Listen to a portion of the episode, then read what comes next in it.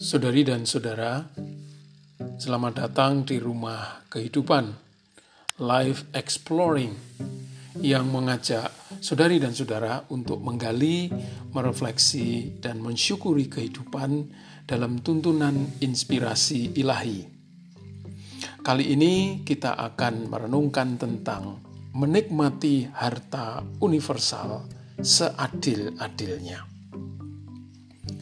Bernasib miskin bukanlah kondisi ideal. Meski demikian, ada pula yang dengan penuh syukur menjalaninya. Mereka ini mampu menemukan kenikmatan dalam segala situasi. Dalam hal harta duniawi, ada kesan manusia mengalami semacam diskriminasi yang pandai dan bermodal belum tentu steril terhadap gagal. Sementara anak dari keluarga biasa-biasa dengan modal seadanya berhasil karena ketekunannya. Harta dan uang memang tidak bisa dikejar. Pertama, karena mereka tidak lari, dan kedua, makin dikejar justru makin menjauh dari kita. Rupanya ada satu kekayaan yang bersifat non-diskriminatif. Dia bernilai sama bagi siapa pun, entah yang kaya, entah yang miskin. Bagi yang tua dan yang muda sama saja. Yang sakit tidak dibedakan dari yang sehat. Di hadapannya, pejabat dan rakyat sederajat tidak ada yang bisa merasa lebih berpangkat. Kekayaan itu adalah waktu. Semua orang diberi waktu yang sama dalam sehari 24 jam. Yang membuat waktu itu berbeda nilai dan maknanya justru penerimanya. Ambil contoh orang lanjut usia, lansia, dan kaum muda.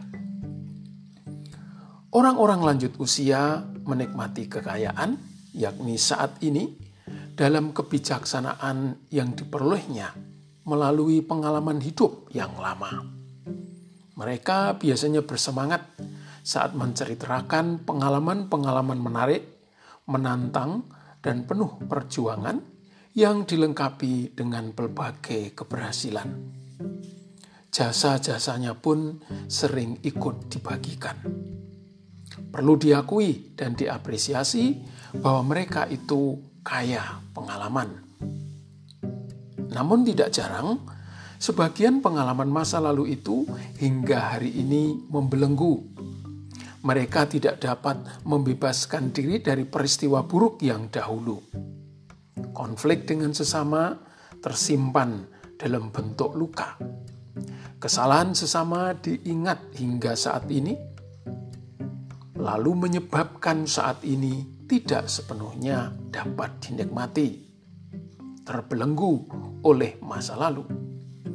Karena itu, sang guru kehidupan bersabda, "Janganlah kamu menghakimi, maka kamu pun tidak akan dihakimi, dan janganlah menghukum, maka kamu pun tidak akan dihukum. Ampunilah, dan kamu akan diampuni." Enggan mengampuni berarti menghukum dan memenjara diri sendiri. Mengampuni adalah jalan untuk dibebaskan dan diselamatkan. Kemerdekaan memberikan kelegaan dan kebahagiaan saat ini. Bagaimana dengan anak-anak muda? Anak-anak muda berbeda dari kaum lansia dalam menikmati waktunya mereka lebih suka berbicara tentang masa depan. Mereka menikmati masa kini dengan antusias dan penuh harapan.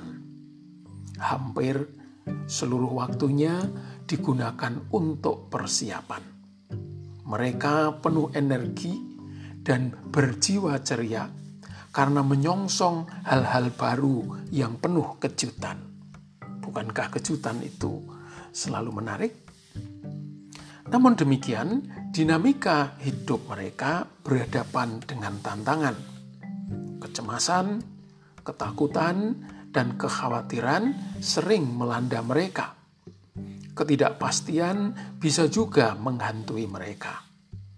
Apalagi di era disrupsi dan revolusi industri 4.0.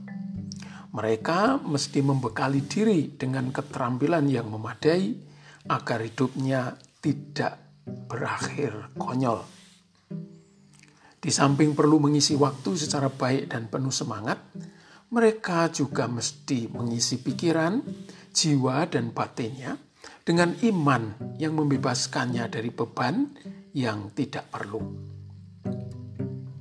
Sabda Sang Guru Kehidupan, sebab itu janganlah kamu khawatir akan hari besok, karena hari besok mempunyai kesusahannya sendiri. Kesusahan sehari cukuplah untuk sehari kaum muda perlu membebaskan diri dari berbagai kecemasan yang tidak perlu tentang hari esok.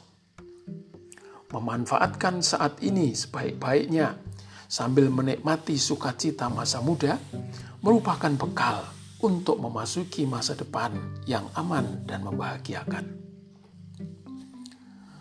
Baik kaum lanjut usia maupun generasi muda setiap hari memperoleh kekayaan yang sama dalam hal waktu.